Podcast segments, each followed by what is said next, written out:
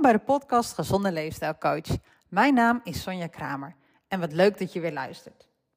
Vandaag gaan we het hebben over het dieetcadeautje. Je hoort vanzelf al wat ik daarmee bedoel, dus blijf lekker luisteren. De dieetindustrie is de enige winstgevende industrie met een mislukkingspercentage van 98%. Hiermee kopte de Volkskrant al in 2013. Ondanks dit gegeven blijven wij mensen massaal aanhangers van deze dieetindustrie. Waarom? Waarom doen we dat? Omdat het namelijk op korte termijn vaak doet wat het belooft. In korte tijd enkele en in sommige gevallen veel kilo's afvallen. En toch neemt het aantal mensen met overgewicht toe. In 1992 had 6,7% van de Nederlandse bevolking van 18 jaar of ouder obesitas. En 30 jaar later, in 2022, heeft 15% van de Nederlandse bevolking van 18 jaar of ouder obesitas. Dat is in 30 jaar een stijging van 8,3%. Dus er komt bij mij de vraag op: waarom blijven wij Nederlanders en trouwens ook in de rest van de wereld massaal diëten? Terwijl het al lang bekend is dat diëten niet helpen bij het doorbreken van een bepaald eetpatroon. En uiteraard heb ik het niet over een dieet die mensen hebben voor een medische aandoening. Maar echt over de eetregels die wij voor onszelf opstellen of die een ander voor ons opstelt om kilo's af te vallen. En ergens valt het ook wel te begrijpen. Onze maatschappij is immers erg gericht geworden op het behalen van snelle resultaten. We ervaren steeds meer druk om binnen korte tijd veel te presteren. Hoe sneller, hoe beter. En dus ook hoe sneller je gewicht verliest, hoe beter.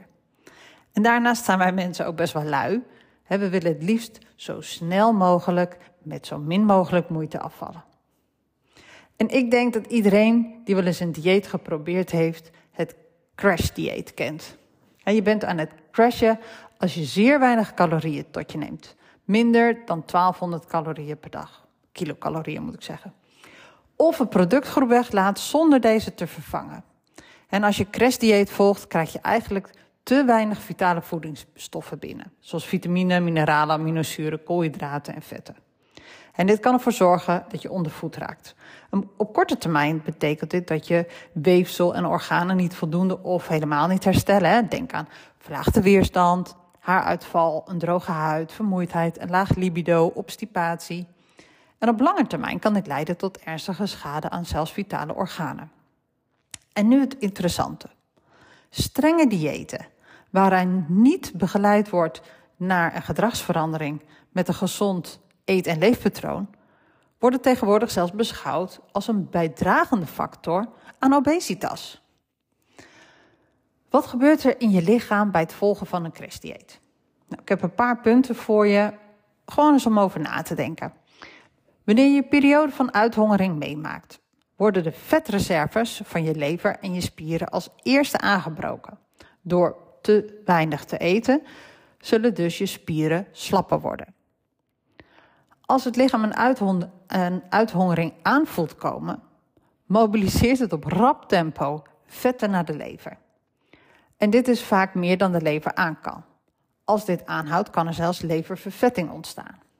Je stofwisseling gaat langer, eh, langzamer. De stofwisseling is het proces in het lichaam waarbij gegeten voedsel omgezet wordt in energie. Daar kom ik straks nog even op terug. En uh, nou, ongeveer twee weken, ietsjes ervoor, uh, van onthouden van voedsel, zal het lichaam zich gaan aanpassen. Dus niet helemaal geen eten meer, maar een onthouding van bepaald voedsel of van kilocalorieën. Het wordt efficiënter in het opslaan van gebruik van energie. En dit betekent dat het lichaam nog harder gaat werken om hetgeen je eet en drinkt op te slaan. Dus niet te verbranden, maar op te slaan. Het zorgt er ook voor dat het minder energie gebruikt en dat het zich voornamelijk focust op de essentiële functies. door weinig te eten is een crash dieet, in, in een crash dieet, het is wel een tonbreker op een gegeven moment hoor, loop je een verhoogde kans dat je op een later moment juist gaat overeten. En zo probeert het lichaam te compenseren voor het gebrek aan calorieën dat het binnen heeft gekregen. En nog een nadeel van veel te weinig calorieën voor je lichaam is dat er ontzettende honger van kan krijgen. Je honger- en verzadigingsgevoel raakt namelijk ontregeld. Hierdoor ben je eerder geneigd om te snacken en lukt het dus niet het jezelf opgelegde regime vol te houden. Oftewel, dieet mislukt. En erger nog, ook na lange tijd is dit systeem nog steeds ontregeld. En blijft het een voortdurende uitdaging om niet in snacken te vervallen. Eet dus liever niet zo ontzettend veel minder, maar kies vooral anders. Laten we daar eens dieper op ingaan. Waarom zou je ook na langere tijd je systeem nog ontregeld zijn? Nou, ik weet niet of jullie haar kennen, maar Lisbeth van Rossum, internist en endocrinoloog, um, zegt daarover: In eerste instantie kan zo'n dieet effectief zijn, maar op lange termijn worden er juist meer hongerhormonen en minder verzadigingshormonen aangemaakt. En gaat het ook nog eens de verbranding omlaag, met als gevolg dat het tegengestelde effect wordt bereikt. Dus je wil afvallen, maar je komt dus eigenlijk aan. Mensen worden na het volgen van een crashdieet vaak zelfs zwaarder dan voor het dieet, waardoor zij opnieuw gaan diëten met de visuele cirkel en alsmaar toenemend gewicht tot gevolg. En laten we eens gaan kijken naar het feit dat er meer hongerhormonen worden aangemaakt. Je bent dus op dieet en je hebt gekozen voor een crashdieet. Je gaat beduidend minder eten, zelfs minder calorieën dan je lichaam nodig heeft om de vitale functies te kunnen uitoefenen, zoals ademhalen, bloedsomloop, aanmaak van nieuwe cellen en dergelijke. En je hebt dit gedoe, denk aan honger, mood swings, er allemaal voor over om die ellendige kilo's te verliezen. Het lichaam schrikt zich een hoedje, want het krijgt te weinig essentiële stoffen binnen en trekt aan de bel. Van uh, ja, blijkbaar hebben we geen honger, want we eten te weinig. Dat zou je lichaam kunnen gaan denken. Of, tja, dan moeten we maar meer hongerhormonen gaan aanmaken. En als we die eenmaal hebben, gaan ze voorlopig ook niet meer weg. Ook niet als je stopt met je dieet. Deze hormonen blijven nog voor een hele lange tijd in je lichaam. En je, je gaat je lichaam en je, en je brein bestoken met een hongergevoel. Waardoor je uiteindelijk meer kan gaan eten als je deed voor je dieet.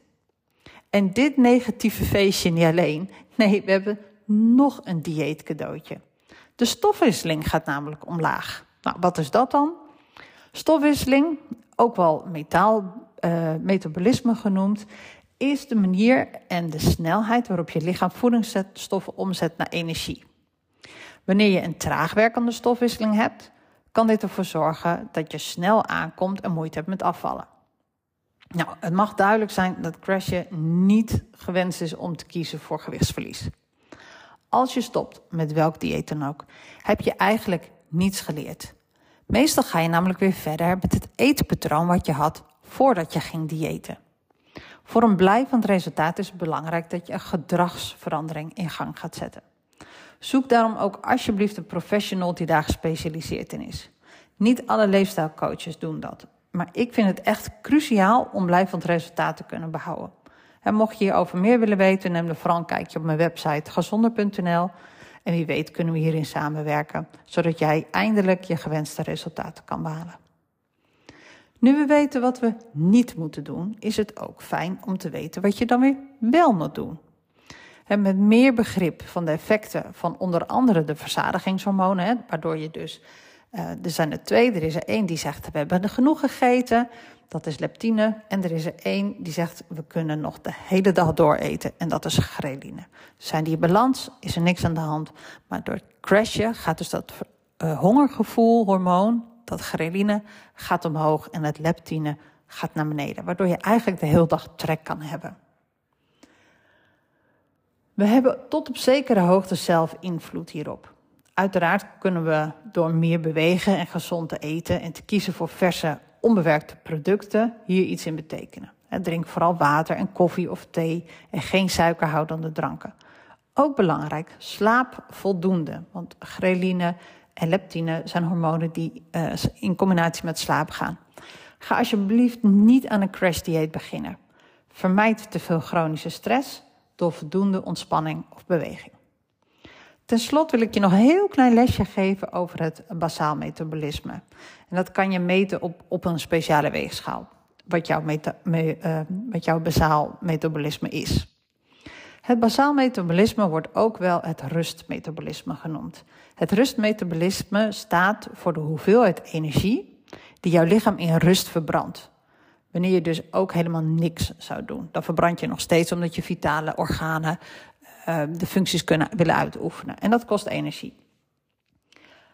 Zelfs wanneer je geen enkele fysieke activiteit uitvoert, heeft jouw lichaam energie nodig om goed te kunnen functioneren. Zoals ik al net zei, eh, bijvoorbeeld je bloed te laten stromen, je hart te laten kloppen en je spijsvertering op gang te houden. En het rustmetabolisme is afhankelijk van drie factoren: leeftijd, geslacht en spiermassa. Vanaf de leeftijd van 25 gaat je rustmetabolisme langzamer worden waardoor je minder snel calorieën gaat verbranden. En vrouwen hebben over het algemeen meer vetweefsel dan mannen, waardoor uh, ze een trager rustmetabolisme hebben. Hoe meer spieren je hebt, hoe meer je lichaam in rust zal verbranden. Spieren verbranden namelijk 10 keer zoveel calorieën dan vet. Kan je ook nog je metabolisme beïnvloeden? Ja, dat kan, dus blijf vooral luisteren. Het liefst heb je natuurlijk een snel metabolisme. Maar dat is niet altijd even makkelijk. Je metabolisme is namelijk afhankelijk van je leeftijd, je geslacht en je spiermassa. Ten eerste zijn er een aantal factoren die jouw metabolisme snel beïnvloeden, waar jij, uh, of jouw snelheid beïnvloeden waar je geen invloed op hebt. Gelukkig zijn er ook nog een paar waar je wel invloed op hebt, bijvoorbeeld door krachttraining te doen. Om je metabolisme te versnellen, is het vergroten van spiermassa van belang. Dat betekent echt niet dat je meteen een bodybuilder moet worden, maar het hebben van spieren zorgt wel voor een snelle metabolisme. Ze verbranden namelijk veel meer energie dan vet. 1 kilo spier verbrandt ongeveer 90 calorieën, in tegenstelling tot de 9 kilocalorieën die 1 kilo vet verbrandt in je lichaam. Dus door meer spieren op te bouwen, verbrand je meer energie waardoor je sneller zou kunnen afvallen of juist op gewicht blijft. Spieren opbouwen kun je doen door te starten met krachttraining. Don't worry, je hoeft echt niet alleen maar kip, rijst en broccoli te eten. Daar gaat het echt niet over. We hoeven geen massaal allemaal bodybuilders te worden. Daar zitten ze op de sport denk ik ook niet echt op te wachten om zoveel concurrentie te krijgen. Maar kijk eens wat voor jou de opties zijn die jij zou kunnen doen in je leven. Begin, begin klein. Maak je doelen haalbaar en zorg dat je successen gaat ervaren, zodat het ook voor jou haalbaar is en leuk blijft om hiermee aan de slag te gaan. Vond je deze aflevering interessant, leerzaam of leuk? Zou je de podcast dan willen beoordelen met bijvoorbeeld 5 sterren? Het delen van de podcast met familie, vrienden, collega's, maar ook volstrekt vreemden zou ik erg kunnen waarderen om het bereik te vergroten. Zo kan jij mij weer helpen met mijn missie om Nederland en dus jou gezonder te maken. Heb je een vraag en of opmerking voor of over de podcast? Weet mij te vinden op Instagram.